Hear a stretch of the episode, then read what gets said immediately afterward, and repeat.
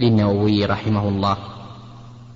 الله تعالى يا أيها الذين آمنوا من يرتد منكم عن دينه فسوف يأتي الله بقوم يحبهم ويحبونه. أذلة على المؤمنين أعزة على الكافرين. لهم العزة على الكافرين يعني يرى المسلم أنه أعز من الكافر وأن له العزة عليه. ولهذا لما كثرت العمالة النصرانية بيننا اليوم ذهبت الغيرة. ذهبت الغيرة من القلوب. وكأن النصراني أو اليهودي أو البوذي أو الوثني كأنه لا يخالفنا إلا كما يخالف الحنبلي للمالكي والشافعي وما أشبه ذلك. عند بعض الناس يظنون أن الكفر اختلافنا معهم كاختلاف المذاهب الأربعة في الإسلام.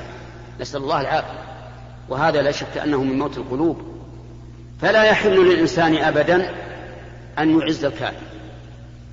والمشروع أن نعمل كل ما فيه غيظ لهم ولكن يجب علينا أن نفي لهم بالعهد الذي بيننا وبينهم إذا كان بيننا وبينهم عهد. فمثلا العمال ولو كانوا نصارى أولا نقول لا تأتي بعمال نصارى للجزيرة العربية في الجزيرة العربية لأن الرسول صلى الله عليه وسلم قال لا لأخرجن اليهود والنصارى من جزيرة العرب. وأمر قال أخرجوا اليهود والنصارى من جزيرة العرب. وقال وهو في مرض موته أخرجوا المشركين من جزيرة العرب. فلا تأتي بكافر وأنت يمكنك أن تأتي أن تأتي بمسلم. وأما ما يعتقده من أمات الله قلبه والعياذ بالله أو ربما نقول أزاغ الله قلبه يقول أنا آتي بعمال كفار علشان ما يصلون إذا صلوا نقص العمل. علشان ما يصومون إذا صاموا نقص العمل. علشان ما يروحون للعمرة أو للحج إذا راحوا نقص العمل. فهذا والعياذ بالله ممن اختار الدنيا على الآخرة. نسأل الله العافية. فالحاصل أنه لا يجوز أن نبدأ أي كافر بالسلام لا يهودي ولا نصراني ولا بوذي ولا وثني. أي إنسان على غير الإسلام لا يجوز أن نبدأه بالسلام قال وإذا لقيتموهم في طريق فاضطروهم إلى أضيقهم. يعني لا توسع لهم المجال. لو لو كانوا جماعة جماعة جماعة مسلمين وجماعة كفار تلاقوا في الطريق لا لا تفسح المجال لهم. خل الضيق عليهم. ولو تفرقوا في, في الطريق. لأنك إذا فسحت الطريق لهم هذا إكرام. إذا لزيت للجدار مثلا أو ما أشبه ذلك هذا إكرام. لا, لا تفسح لهم هذا. إذا لقيتموهم في طريق فاضطروهم إلى أضيقهم. لماذا نعاملهم هذه المعاملة؟ لأنهم أعداء لله قبل كل شيء وأعداء لنا.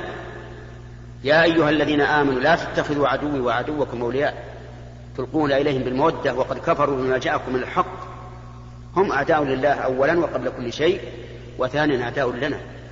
وأفعالهم بالمسلمين سابقا ولاحقا وإلى اليوم تدل على ذلك على شدة عداوتهم للمسلمين.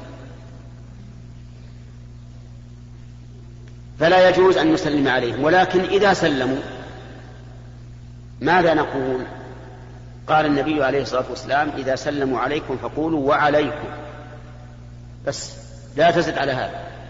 قل وعليكم. لماذا؟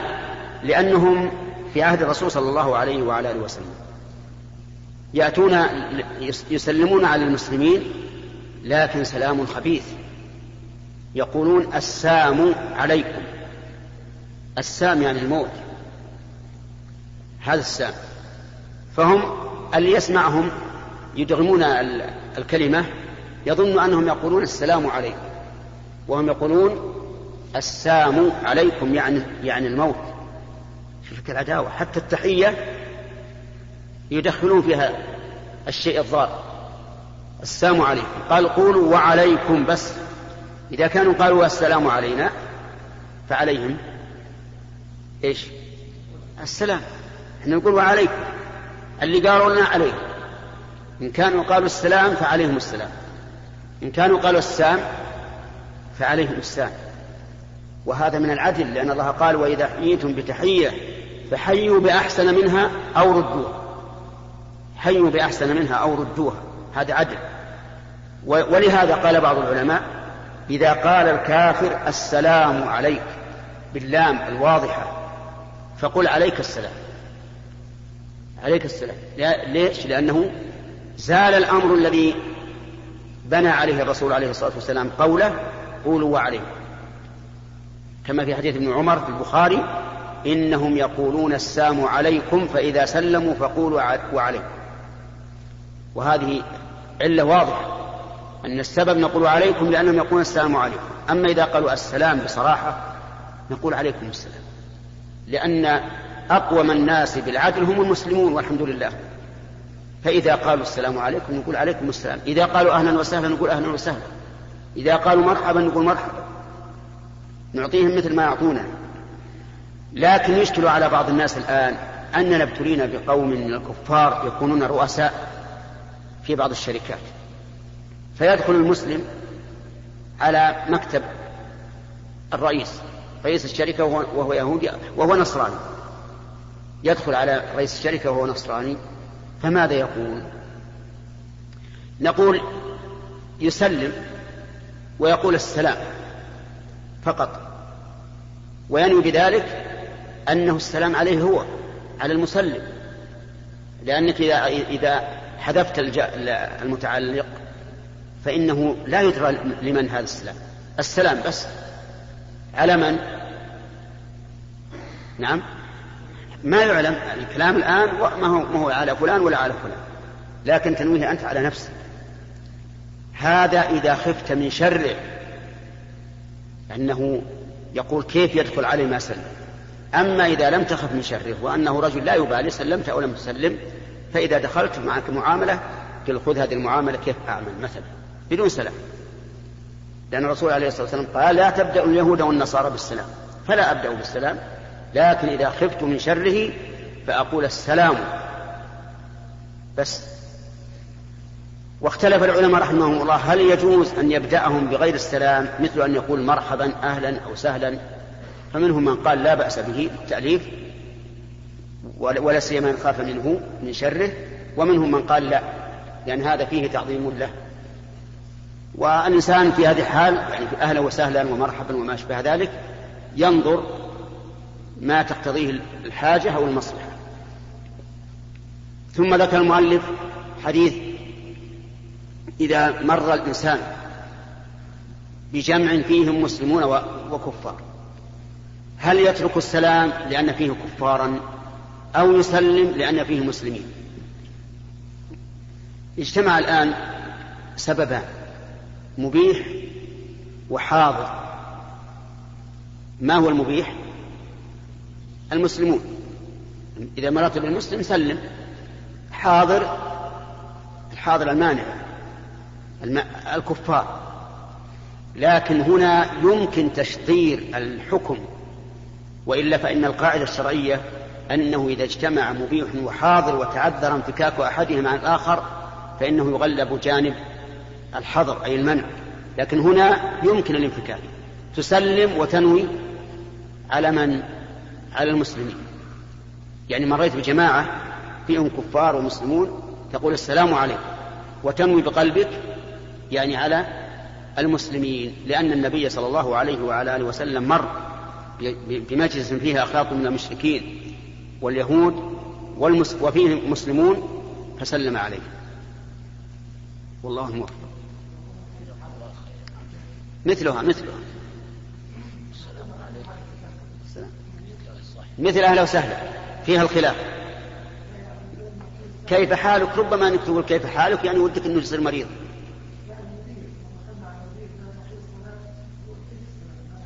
قل السلام بس. إذا خفت من شره قل السلام وبس ونونه عليك أنت. أبا كما التسمية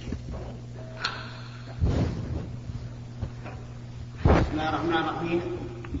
ختم المؤلف رحمه الله كتاب السلام وآدابه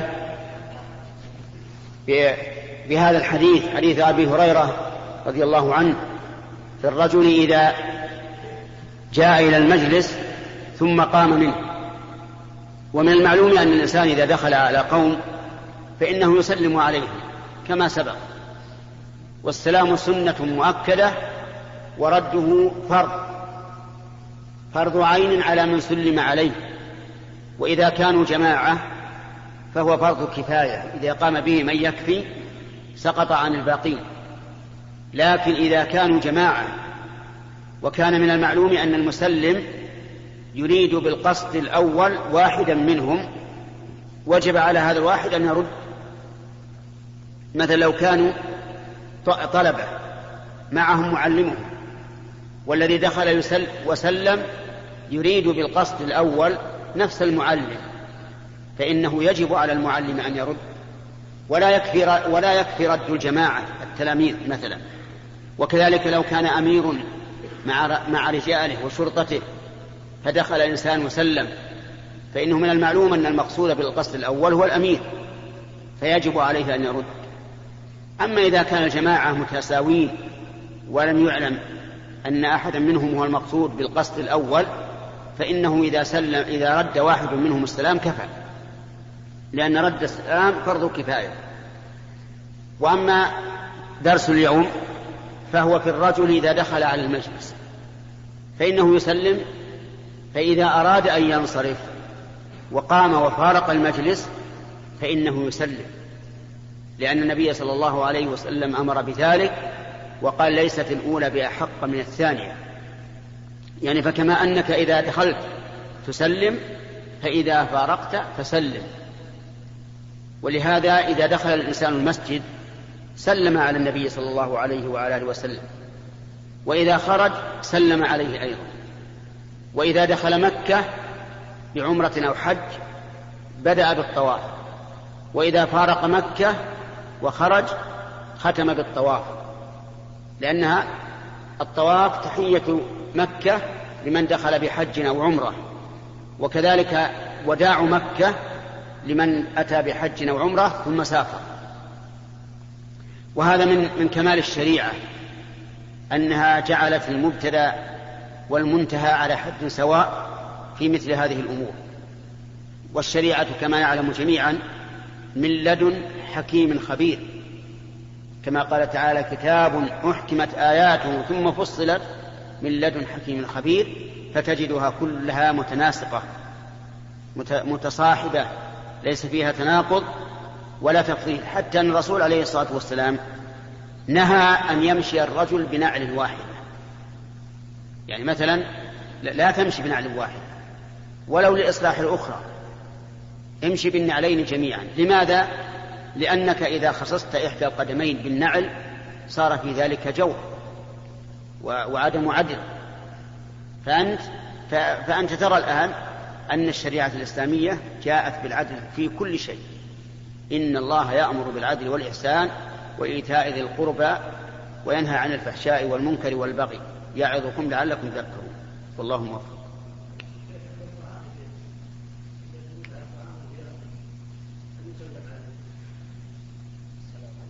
كيف ذلك؟ سلم عليه سلم عليه.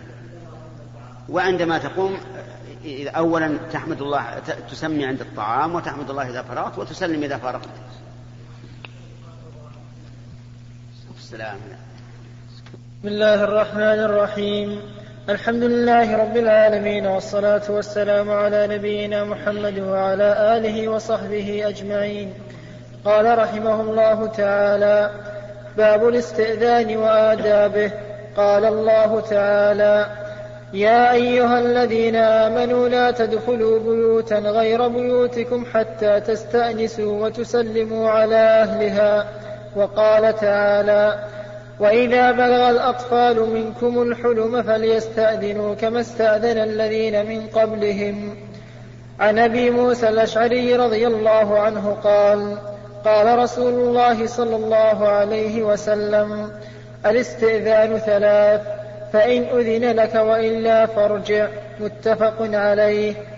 وعن سهل بن سعد رضي الله عنه قال قال رسول الله صلى الله عليه وسلم إنما جعل الاستئذان من أجل البصر.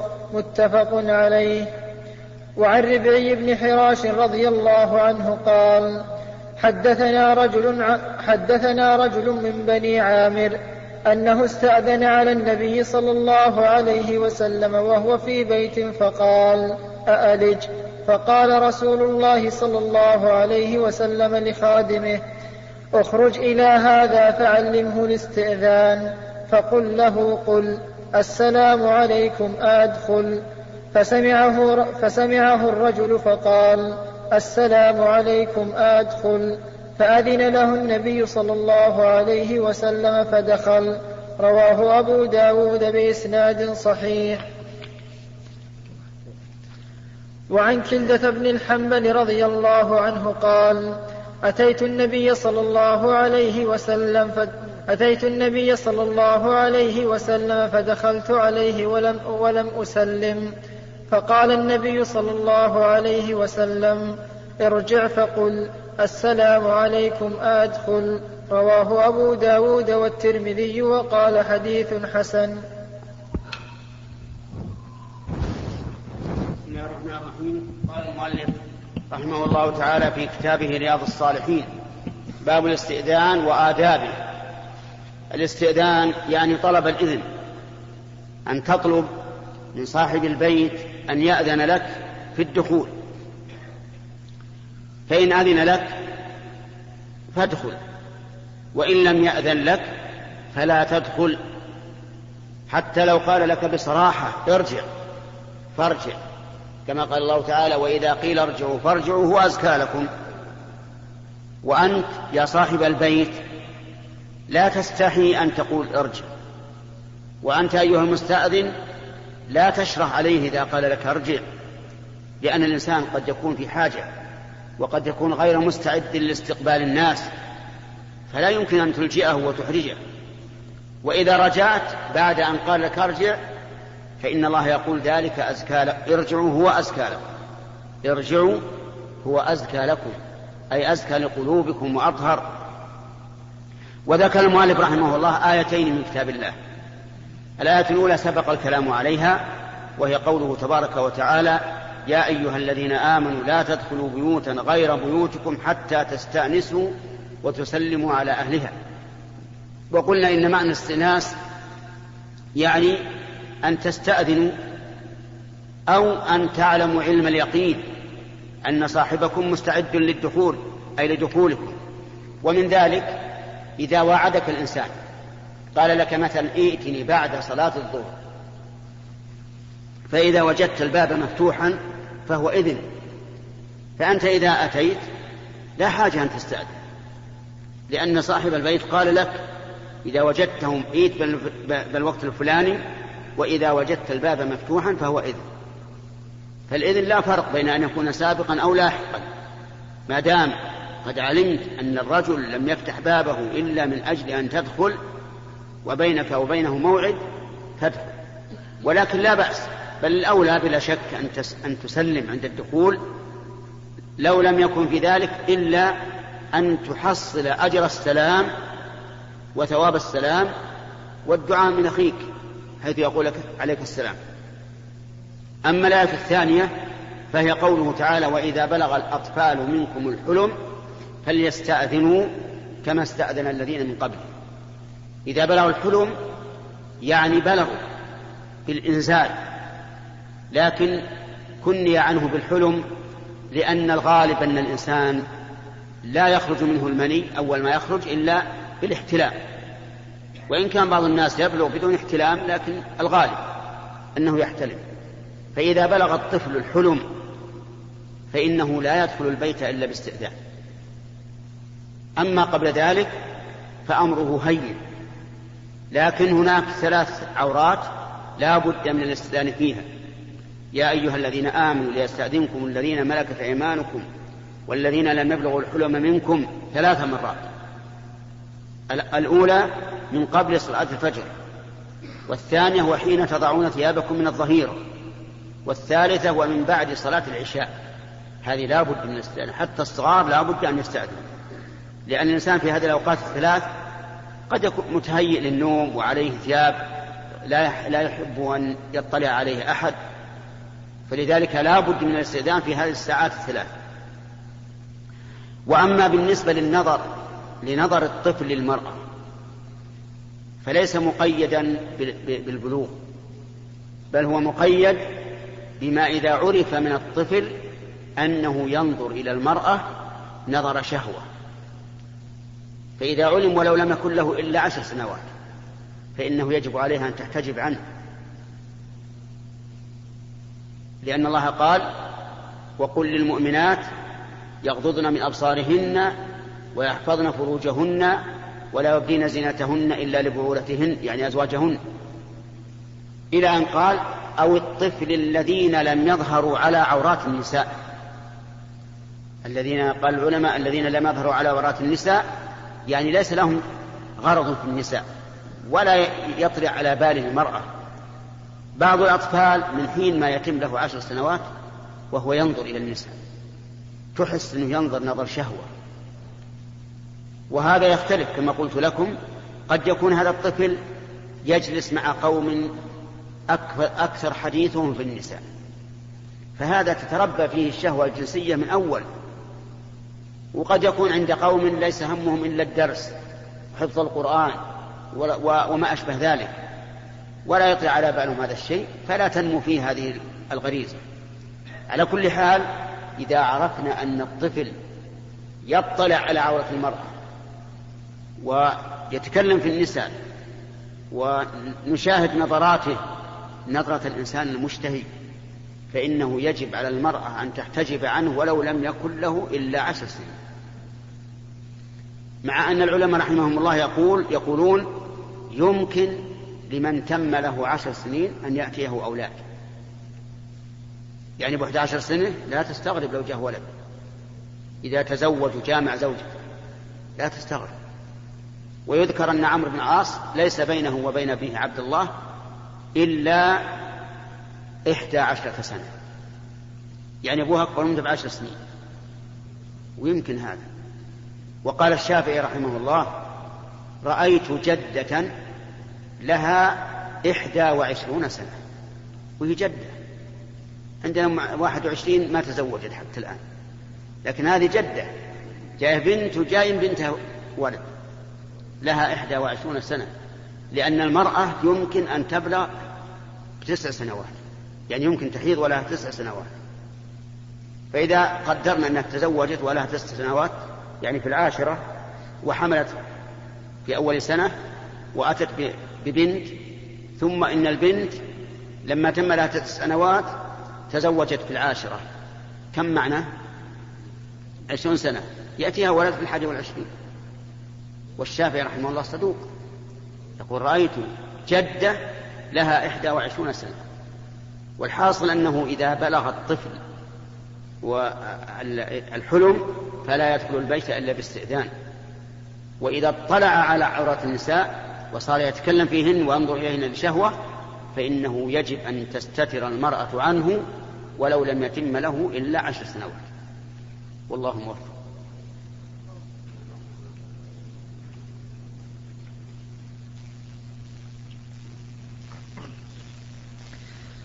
بسم الله الرحمن الرحيم. الحمد لله رب العالمين والصلاة والسلام على نبينا محمد وعلى آله وصحبه أجمعين.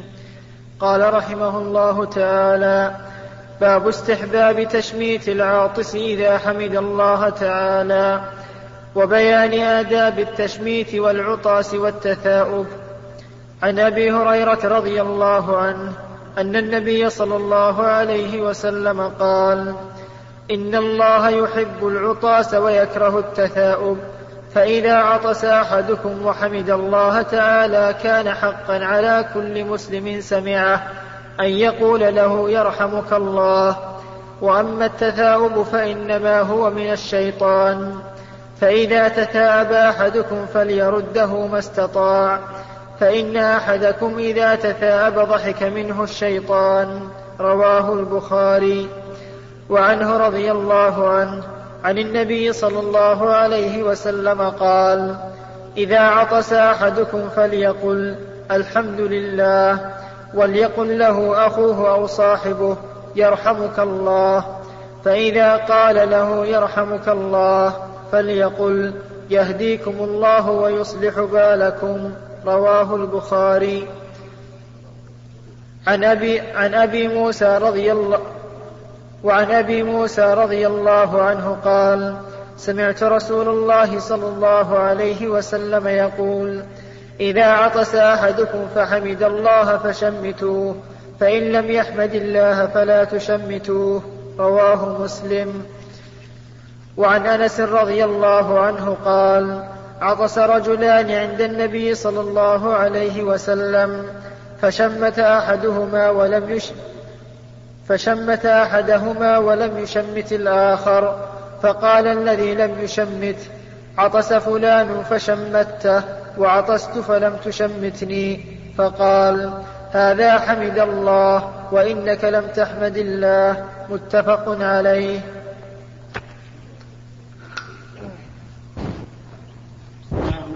قال المؤلف النووي رحمه الله في رياض الصالحين باب استحباب تشميت العاطس. إذا حمد الله وبيان آداب العطاس والتثاؤب. العطاس من الله عز وجل يحبه الله كما في حديث أبي هريرة رضي الله عنه أن النبي صلى الله عليه وسلم قال إن الله يحب العطاس.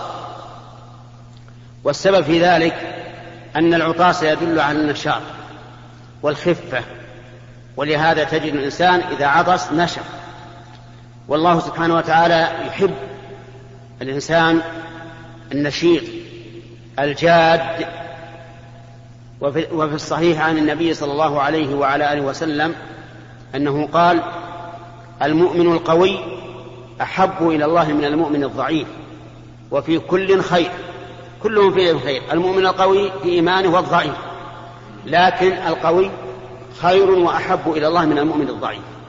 والعطاس تدل على الخفه والنشاط. فلهذا كان محبوبا إلى الله. وكان مشروعا للإنسان إذا عطس أن يقول الحمد لله لأنها نعمة. نعمة أعطيها فليحمد الله عليها.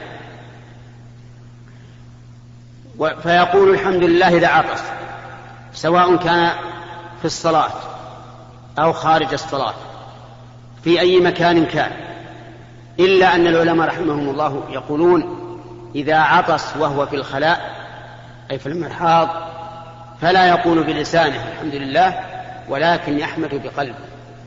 أما لسانه فلا لأنهم يقولون رحمهم الله إن الإنسان لا يذكر الله في الخلاء. فإذا عطس الإنسان وحمد الله كان حقا على كل من سمعه أن يقول يرحمك الله فيدعو له بالرحمة جزاء له على حمده لله عز وجل. فإنه لما حمد الله كان من جزائه أن إخوانه يدعون له بالرحمة. وقوله كان حقا على كل من سمعه ظاهره أنه يجب على كل السامعين بأعيانهم ويؤيده قوله في الحديث الآخر إذا عطس فحمد الله فشمتوه. وذهب بعض العلماء إلى أن تشميت العاطس فرض كفاية. يعني إذا قال واحد من الجماعة للعاطس الذي حمد الله يرحمك الله كفى. لكن الاحتياط أن أن يشمته أن يدعو أن يدعو أن يدعو له بالرحمة كل من سمعه كما جاء في الحديث. وأما التثاؤب فإنه من الشيطان. ولهذا كان الله كان الله يكرهه. ليش؟ لماذا؟ لأن التثاؤب يدل على الكسل. ولهذا يكثر التثاؤب في من كان فيه نوم. والذي فيه النوم معروف أنه كسلان. فمن أجل أنه يدل على الكسل كان الله تعالى يكرهه. ولكن إذا تثاءب فالأولى أن يرده. أن يرد التثاؤب ويكذب يكظم ويتصبر. قال العلماء وإذا أردت أن تكظمه فعض على شفتك السفلى. ها؟ لكن طبعا لا تعض عضا شديدا فتنقطع لكن لأجل أن أن تضمها حتى لا ينفتح الفم. فالمهم أن تكظم سواء بهذه الطريقة أو غيرها. فإن عجزت عن الكظم فضع يدك على فمك. هكذا ضعها على الفم. وما ذكر بعض العلماء رحمهم الله أنك تضع ظهرها على الفم فلا أصل له إنما تضع بطنها هكذا تسد تسد الفم. والسبب في ذلك لأن الإنسان إذا تثاءب ضحك الشيطان. ضحك الشيطان منه لأنه يعرف أن هذا يدل على كسله وعلى فتوره والشيطان يحب من بني آدم أن يكون كسولا فتورا. أعاذنا الله وإياكم منه. ويكره الإنسان النشيط الجاد الذي يكون دائما في حزم وقوة ونشاط. فإذا فإذا جاءك التثاؤب فإن قدرت على أن تكظمه وتمنعه فهذا هو السنة والأفضل. وإن لم تقدر فضع يدك على فمك. ولكن هل تقول أعوذ بالله من الشيطان الرجيم؟ لا لا تقول أعوذ بالله من الشيطان الرجيم. عند التثاؤب. لأن ذلك لم يرد عن النبي عليه الصلاة والسلام. فالنبي عليه الصلاة والسلام علمنا ماذا نفعل عند التثاؤب ولم يقل قولوا كذا. قال افعلوا كذا يعني اكظموا أو ردوا باليد. ولم يقل تعوذوا بالله من الشيطان الرجيم. وما اشتهر عند بعض الناس أن الإنسان إذا تثاءب يقول أعوذ بالله من الشيطان الرجيم فهذا لا أصل له. والعبادات مبنية على على الشرع ما هو على الهوى. لكن قد يقول بعض الناس أليس الله يقول؟ وإما ينزغنك من الشيطان نزغ فاستعذ بالله إنه هو السميع العليم. وقد أخبر النبي صلى الله عليه وعلى آله وسلم أن التثاؤب من الشيطان فهذا نزغ. نقول لا. فهمت الآية خطأ. المراد بقوله ما ينزغنك من الشيطان نزغ يعني الأمر بالمعاصي أو بترك الواجبات لأن هذه هذا نزغ الشيطان. الشيطان هذا نزغه كما قال تعالى فيه إنه ينزغ بين الناس. فهذا هو نزغ. الأمر بالمعاصي والتثبيط عن الواجبات هذا نزغ فإذا أحسست بذلك فقل أعوذ بالله من الشيطان الرجيم. أما التثاؤب فليس فيه إلا سنة فعلية فقط وهي الكظم ما استطعت فإن لم تقدر فضع يدك على فمك. ومن آداب العطاس أنه ينبغي للإنسان إذا عطس أن يضع ثوبه أو غترته على وجهه هكذا. قال أهل العلم وفي ذلك حكمتان. الحكمة الأولى أنه قد يخرج مع هذا العطاس أمراض تنتشر على من حوله. والثاني أنه قد يخرج من أنفه شيء مستقدر تتقزز النفوس منه. فإذا غطى وجهه هكذا صار في ذلك خير. ولكن لا تفعل ما يفعله بعض الناس تضع يدك على أنفك عند العطاس هذا خطأ. لأن هذا يحد من خروج الريح التي تخرج من الفم عند العطاس وربما يكون في هذا ضرر عليك وفي هذه الأحاديث التي ذكر المؤلف دليل على أن من عطس ولم يقل الحمد لله فإنه لا يقال له يرحمك الله. لأن النبي صلى الله عليه وسلم عطس عنده رجلان. أحدهما قال له الرسول صلى الله عليه وعلى آله وسلم يرحمك الله والثاني لم يقل له ذلك.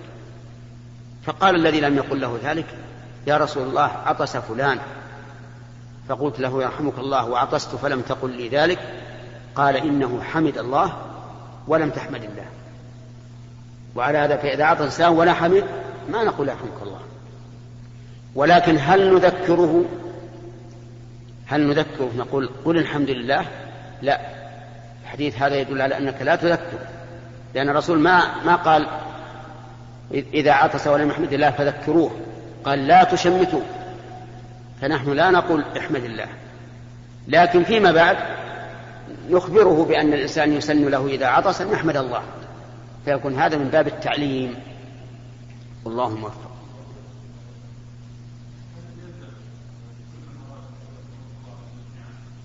أي نعم.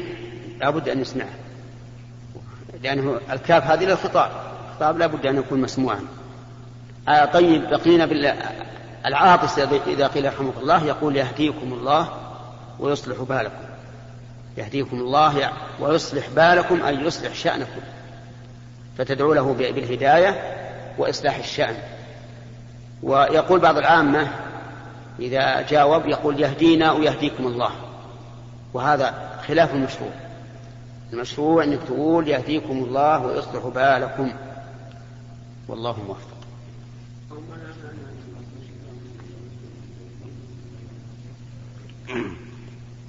بسم الله الرحمن الرحيم. الحمد لله رب العالمين. وصلى الله وسلم على نبينا محمد وعلى آله وصحبه. نقل المؤلف رحمه الله تعالى عن أبي هريرة رضي الله عنه قال كان رسول الله صلى الله عليه وسلم إذا عطس وضع يده أو ثوبه على فيه وخفض أو غض غض بها صوته شك الراوي رواه أبو داود والترمذي وقال حديث حسن صحيح.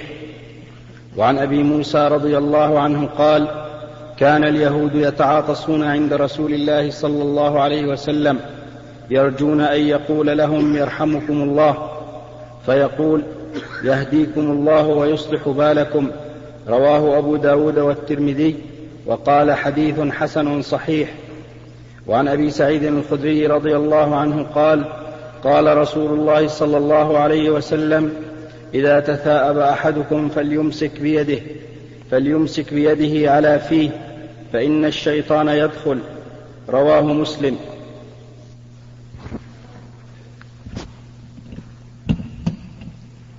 بسم الله الرحمن الرحيم. هذه الأحاديث في بيان ما يستحب عند العطاس وقد سبق بيان شيء من ذلك. منها حديث أبي هريرة أن رسول الله صلى الله عليه وعلى آله وسلم كان يضع يده أو ثوبه على وجهه أو على فمه من أجل أن يكتم الصوت.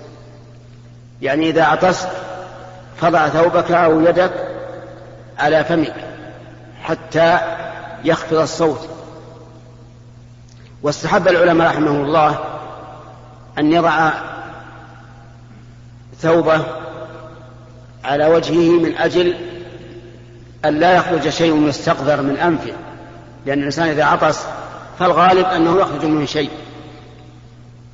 فلا يشاهد إذا كان قد غطاه والثاني الفائدة الثانية أنه ربما يخرج مع العطاس أمراض مكروبات التي تسمى المكروبات فتتعدى إلى الغير. فلهذا ينبغي لك إذا عطست أن تضع أن تضع ثوبك يعني غطرتك أو ما أشبه ذلك على وجهك حتى تس حتى يحصل هاتان الفائدتان.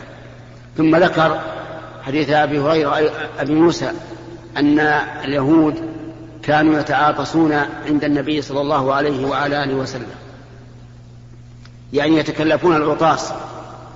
لعل الرسول يقول يرحمكم الله. لأنهم يعلمون أنه نبي وأن دعوته مستجابة. فيعطسون عنده لأجل أن يقول يرحمكم الله. ولكنه لا يقول ذلك. لأن الكافر لا يجوز أن يدعى له بالرحمة ولا بالمغفرة لكن يدعى له بالهداية. ولهذا كان يقول لهم إذا عطسوا وقالوا الحمد لله قال, قال لهم يهديكم الله ويصلح بالكم.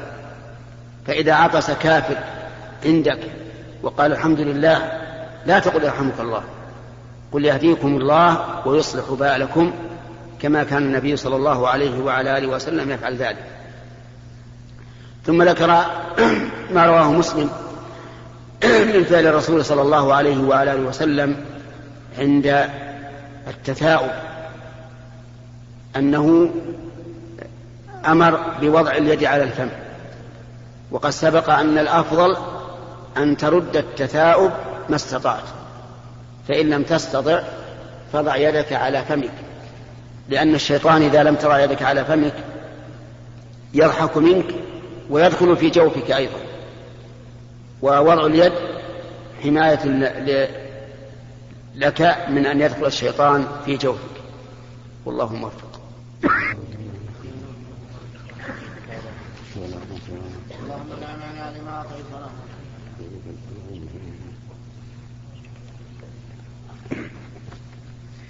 بسم الله الرحمن الرحيم. الحمد لله رب العالمين وصلى الله وسلم على نبينا محمد وعلى آله وصحبه.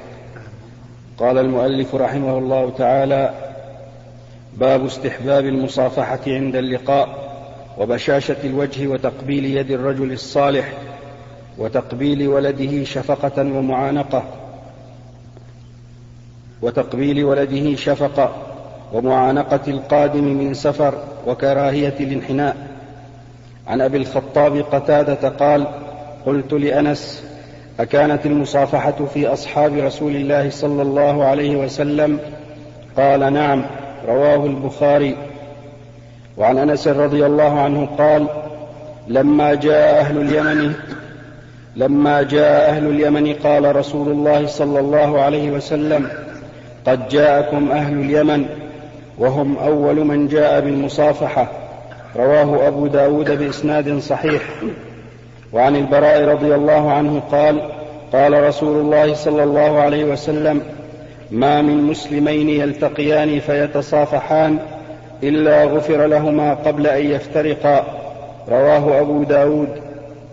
وعن أنس رضي الله عنه قال قال رجل يا رسول الله الرجل منا يلقى أخاه أو صديقه أينحني له؟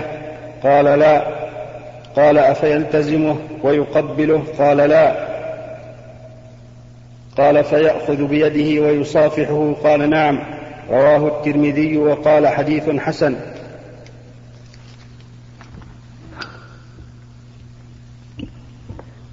بسم الله الرحمن الرحيم.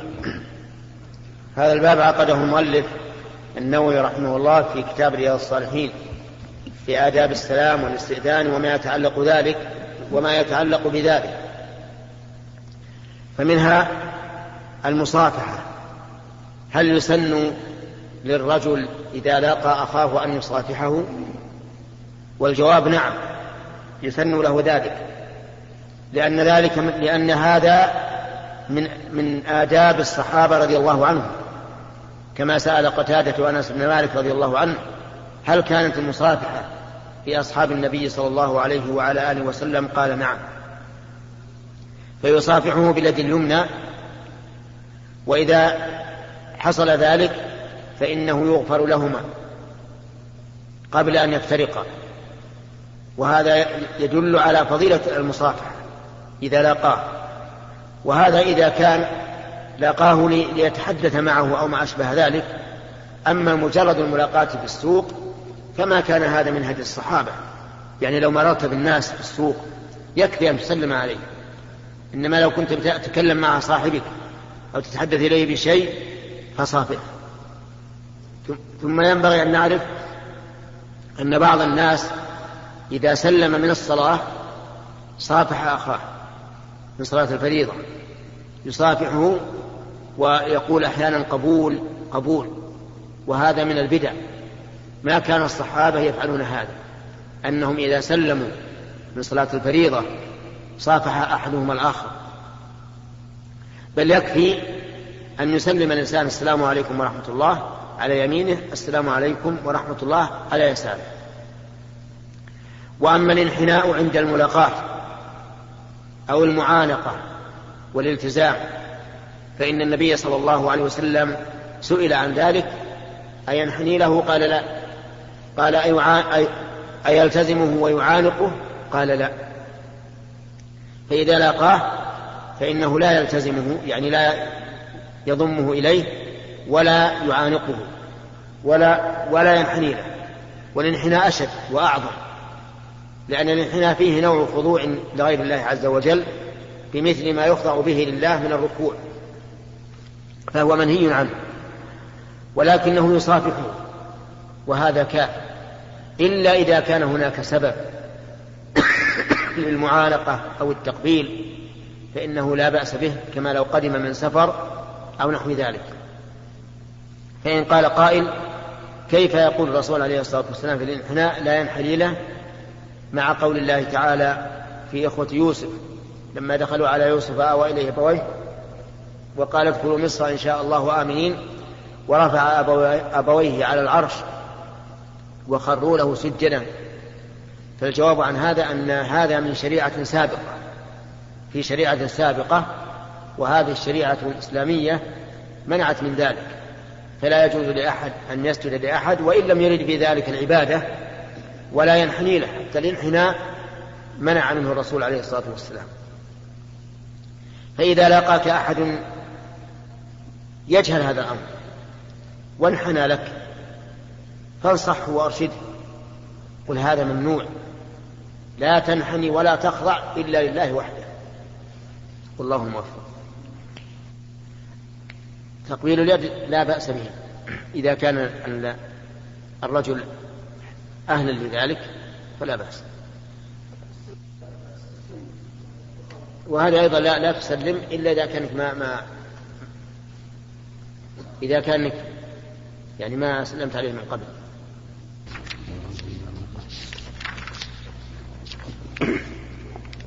بسم الله الرحمن الرحيم. الحمد لله رب العالمين.